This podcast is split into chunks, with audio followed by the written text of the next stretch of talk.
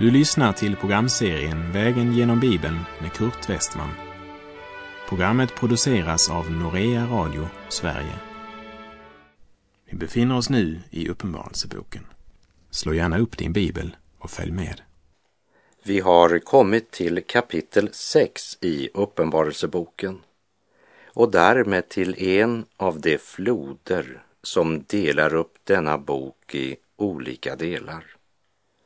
För från kapitel 6 till kapitel 18 talas om de sju sigill som öppnas och det är lammet som är värdigt som bryter de sju sigillen för den bokrulle som är Guds testamente i vilken frälsningens arv ligger gömd. Samtidigt påminner jag igen om att den stora skiljelinjen i Uppenbarelseboken går mellan kapitel 3 och kapitel 4 där vi blev förflyttade upp till Guds tron. Men även vid kapitel 6 går en skiljelinje när vi nu kommer till de sju sigillen. Innan vi vandrar genom kapitlen 6 till och med 18 i Uppenbarelseboken så vill jag än en gång påminna om Jesu ord i Lukas 21, verserna 25 till och med 28. Tecken skall visa sig i solen, i månen och i stjärnorna. Och på jorden skall folken gripas av ångest och stå rådlösa vid havets och bränningarnas dån. Människor skall ge upp andan av skräck i väntan på det som skall komma över världen. Ty himlens krafter skall skakas. Då skall man se Människosonen komma i ett moln med stor makt och härlighet.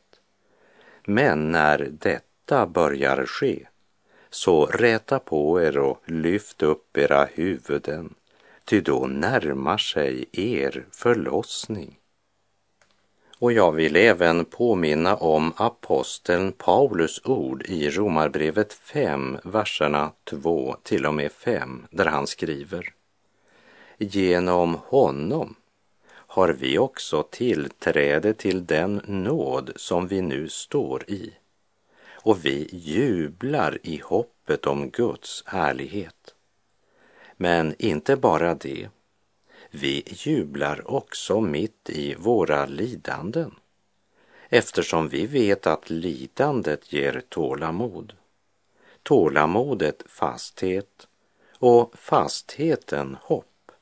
Och det hoppet bedrar oss inte, ty Guds kärlek är utgjuten i våra hjärtan genom den helige Ande som han har gett oss.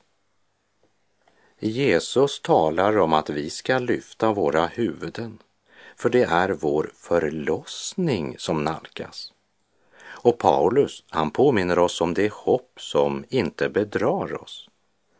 Vi kan säga att över en värld av kaos, nöd och upplösning strålar hoppets evangelium. Och är det något som mänskligheten idag behöver så är det hopp. Inte något falskt hopp, men det hopp som han som är Amen, det trovärdiga och sannfärdiga vittnet ger oss när han säger När detta börjar ske, så räta på er och lyft upp era huvuden, ty då närmar sig er förlossning. Många människor, också kristna, känner fruktan inför framtiden. Med fruktan följer ofta depression och i depressionens spår följer resignationen. Men den ande som Gud har gett oss gör oss inte modlösa, utan är kraftens, kärlekens och självbehärskningens ande, säger Paulus i Andra Timoteusbrevet 1, vers 7. Därför så är det viktigt att vi som Guds barn får hjälp att bevara perspektivet så att vi inte öser vatten på den kvarn som heter fruktan och ångest. Men inte heller blunda för den demonisering som sker i världen idag på grund av avfallet från Gud. Men påminna varandra, vi som har mottagit frälsningen, att Kristus, som en gång gick här nere i förnedring och bar våra synder, han är uppstånden. Ja, han är lejonet av Juda och konungen som drar ut för att segra och som ska komma igen och upprätta sitt rike. Må Johannes uppenbarelsebok få bli för dig vad Gud hade tänkt, nämligen en bok till tröst. Ja, till en vind ifrån evighetens värld med hopp från Gud. Och det hoppet bedrar oss inte. Ty Guds kärlek är utgjuten i våra hjärtan genom den helige Ande som han har gett oss. Uppenbarelseboken är en bok i hoppets tjänst. Det är ett budskap till dig från hoppets Gud, så hör Herrens ord. Och jag påminner om att det är han som är värdig att öppna bokrullen, som nu håller allt i sin hand. Som det blev sagt i början av uppenbarelseboken. Detta är Jesu Kristi uppenbarelse, som Gud gav Johannes för att visa sina tjänare vad som snart måste ske han gjorde det känt genom att sända sin ängel till sin tjänare Johannes. Och vi läser Uppenbarelseboken 6, vers 1 och 2. Och jag såg när lammet bröt det första av de sju sigillen. Och jag hörde ett av de fyra väsendena säga med en röst som åskan, Kom! Och jag såg och se en vit häst. Och han som satt på den hade en båge. Åt honom gavs en segerkrans och han drog ut som segerherre för att segra. Herren Jesus har tagit bokrullen som är förseglad med sju sigill och han bryter det första sigillet och han kommer att bryta var och en av de sju sigillen och han bryter dem var och en i sin ordning. Det är inte tillfälligheterna som styr, utan han som är Amen, det trovärdiga och sannfärdiga vittnet, upphovet till Guds skapelse. Jag är medveten om att segerkransen och segerherren det är en bild som kunde passa på Kristus. Men här är det nog inte Kristus som ryttaren på den vita hästen symboliserar. Kristus är den som bryter sigillet. Men vart sigill medför plågor som kommer. Men i vår mänskliga svaghet så har vi så lätt för att endast se till det yttre. Därför har vi också så svårt att se det första sigillet som vrede. För när det gäller ryttaren på den vita hästen så är det så mycket som påminner om Kristus. Men den yttre fasaden är ingen garanti för att det verkligen är Kristus. Och det är inget att förvåna sig över, skriver Paulus i Andra Korinterbrevet 11. Satan gör sig lik en ljusets ängel. Därför är det inte underligt att också hans tjänare uppträder som tjänare åt rättfärdigheten. Men det kommer att få det slut som det förtjänar. När det första sigillet bryts träder han fram, han som här på jorden ska ge sig ut för att vara vår räddningsman, men inte vara det. Han ljuger, men har en förförande fasad som ska göra intryck på många. Och han ska gå från seger till seger här i världen, medan Lammets församling skall besegras av denne antikrist. Och här vill jag citera vad som står i Uppenbarelseboken 13, vers 7 och 8, som vi ska återkomma till längre fram på vår vandring genom Uppenbarelseboken. Jag citerar. Och åt vilddjuret gavs makt att strida mot det heliga och att besegra dem och det fick makt över alla stammar och folk och språk och folkslag. Alla jordens invånare kommer att tillbe det.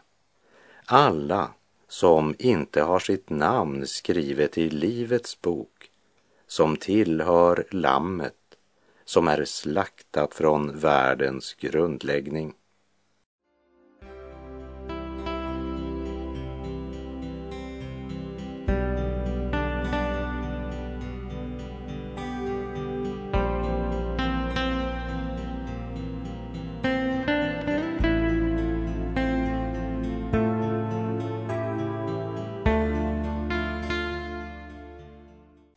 I vår översättning så står det i Uppenbarelseboken 6, vers 1. Och jag såg när lammet bröt det första av de sju sigillen. Men den grekiska texten kunde också med rätta ha översatts. Och jag såg när lammet bröt ett av de sju sigillen.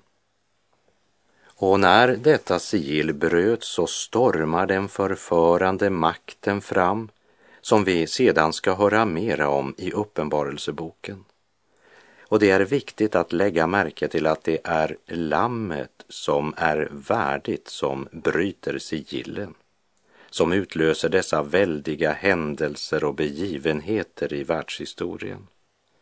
Och varje ryttare illustrerar de lidanden och svårigheter som ska komma över mänskligheten och göra den mogen för den slutliga domen då agnarna ska skiljas från vetet. Och allt som sker är relaterat till lammet. Varje sigill representerar en förförelse eller plåga. Därför är det viktigt att vi påminner varandra att bokrullen, vars sigill nu bryts, det är frälsningens testamente. Och när allt det här börjar ske, då ska du lyfta ditt huvud, för det är din förlossning som nalkas. Frälsningens dag kan aldrig komma utan att dessa sigill bryts. Och det är bara en som är värdig att bryta sigillen. Det är han som utgav sig själv för världens synd för att kunna vara världens hopp. När sigillet är brutet så ser vi honom som ger sig ut för att vara Kristus, träda fram på världsarenan. Och idag rör vi oss mycket snabbt i riktning mot en världsdiktator. Alla världens nationer skakas av snabba och genomgripande förändringar. Laglösheten väller fram som en flod och myndigheterna har förlorat kontrollen. Och allt det här, det bereder marken för en stark man som lovar att skapa ordning i samhället. Lovar att skapa arbete, fred och framgång. Antikrist kommer inte att träda fram som en skurk eller tyrann. Trots allt så uppträder Satans tjänare som rättfärdighetens tjänare. Fasaden liknar en ljusets ängel och många ser inte längre än till det yttre. I Matteus 23 säger Jesus till fariseerna och de skriftlärda Ni liknar vitkalkade gravar. Utanpå ser de vackra ut, men inuti är de fulla av de dödas ben och allt slags orenhet. Så är det också med er. Utanpå ser ni ut att vara rättfärdiga, men inuti är ni fulla av hyckleri och ondska. När Antikrist träder fram och tar makten så kommer han att tala om fred och han kommer att ha skenet av att lyckas. Och många kommer förblindade att gå mot den stora vedermödan i tron att det nu är fredsriket som kommer. I Andra Thessalonikerbrevet 2, verserna 9 till 12 läser vi. Den laglöses ankomst är ett verk av Satan och sker med stor kraft, med lögnens alla tecken och under och med all slags orättfärdighet som bedrar dem som går förlorade eftersom de inte tog emot sanningen och älskade den så att de kunde bli frälsta. Därför sänder Gud en kraftig villfarelse över dem så att de tror på lögnen och blir dömda. Alla dessa som inte har trott på sanningen utan njutit av orättfärdigheten. Så ryttaren på den vita hästen är det vilddjur åt vilket det gavs makt att strida mot det heliga och besegra dem. Och det fick makt över alla stammar, folk, språk och folkslag. Jag såg och se en vit häst och han som satt på den hade en båge. Åt honom gavs en segerkrans och han drog ut som segerherre för att segra. Det är ingen tillfällighet att Antikrist väljer en vit häst. Det är inget att förvåna sig över. Satan själv gör sig lik en ljusets ängel, skriver Paulus i Andra Korinthierbrevet 11.14. Guds barn måste leva nära Kristus, leva i ljuset. Och ska vi bevaras som Guds barn måste vi utrustas med visdomens och uppenbarelsens ande så att vi kan se djupare än bara till det yttre. Och de övriga sigillen som bryts kommer också att uppenbara vad slags inre de övriga sigillen för Guds testamente är.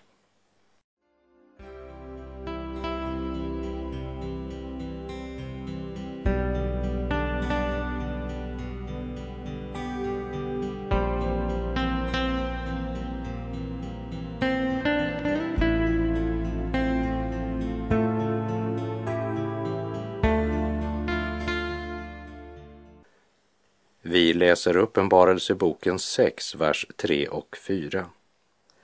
Och när lammet bröt det andra sigillet hörde jag det andra väsendet säga kom. Då kom en annan häst ut, en eldröd. Och åt honom som satt på den gavs makt att ta bort freden från jorden och få människor att slakta varandra och ett stort svärd gavs åt honom. Den andra ryttaren på sin eldröda häst talar om krig. När mänskligheten vänt Gud ryggen och blir berövade friden i sina hjärtan, då blir sinnet förmörkat, ofriden blomstrar och så påför människorna varandra krig. Genom att förkasta friden skapar människan striden. I Matteus 24, vers 6 till och med 8 står det Ni kommer att höra stridslarm och rykten om krig. Se då till att ni inte blir skrämda, ty detta måste hända, men därmed har slutet ännu inte kommit. Folk skall resa sig mot folk och rike mot rike och det ska bli hungersnöd och jordbävningar på den ena platsen efter den andra. Men allt detta är bara början på födslovåndorna. Krig och rykten om krig är på inget sätt något ändetidstecken. Herren Jesu tal här omfattar tiden lärjungarna levde i och helt fram till tidens slut. Både vid första och andra världskriget skrevs det många böcker om att nu hade tidens slut kommit. Nu är det länge sedan andra världskriget avslutades och tidsåldrarnas ände har ännu inte kommit. Vi borde höra på Herren och sluta lyssna till falska profeter, hur intressant deras spekulationer än kan verka. Och så även ha klart för oss att människan kan aldrig lösa krigets problem. Man bildade FN, Förenta Nationerna, för att förhindra krig. Men det har aldrig i historien varit så många krig som efter att det blev bildat. Människan står maktlös. För några tiotals år sedan så trodde människan att vetenskaplig forskning skulle lösa världens problem. Nu vet vi att människans uppfinningsrikedom har skapat problem som varken forskningen eller världen kan lösa. När det andra sigillet bryts kommer allt detta att öka starkt och bli så vanligt i nyheterna att vi slutar reagera. Och det är först med denne ryttare som freden försvinner från jorden. När alla vänder sig mot alla och man inte kan lita på någon.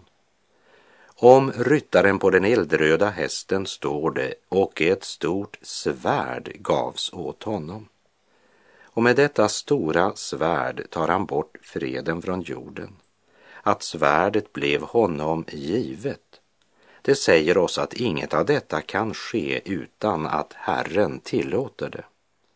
Inte därför att Herren önskade detta, men därför att människan valde detta genom att förkasta fredsfursten Synden är ju inte en stillastående makt, utan den är ständigt i rörelse för att driva människan mot undergång och död.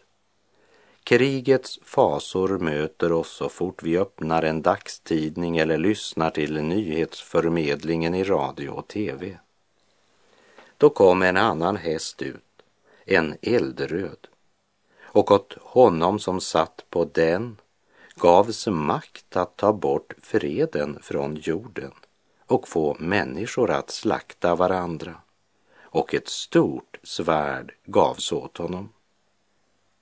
Den första ryttaren kan ju inte vara Kristus. För när han kommer för att segra så blir freden permanent. Men den fred som Antikrist erbjuder är en mycket kortvarig fred Knappt har ryttaren på den vita hästen ridit ut så följer ryttaren på den eldröda hästen med det stora svärdet. Rovdjuret som kom i ljusets förklädnad erbjöd mänskligheten en falsk fred. Men när allt ser som mest hoppfullt ut kommer ryttaren på den eldröda hästen. Vi läser vers 5 och 6. När lammet bröt det tredje sigillet hörde jag det tredje väsendet säga kom.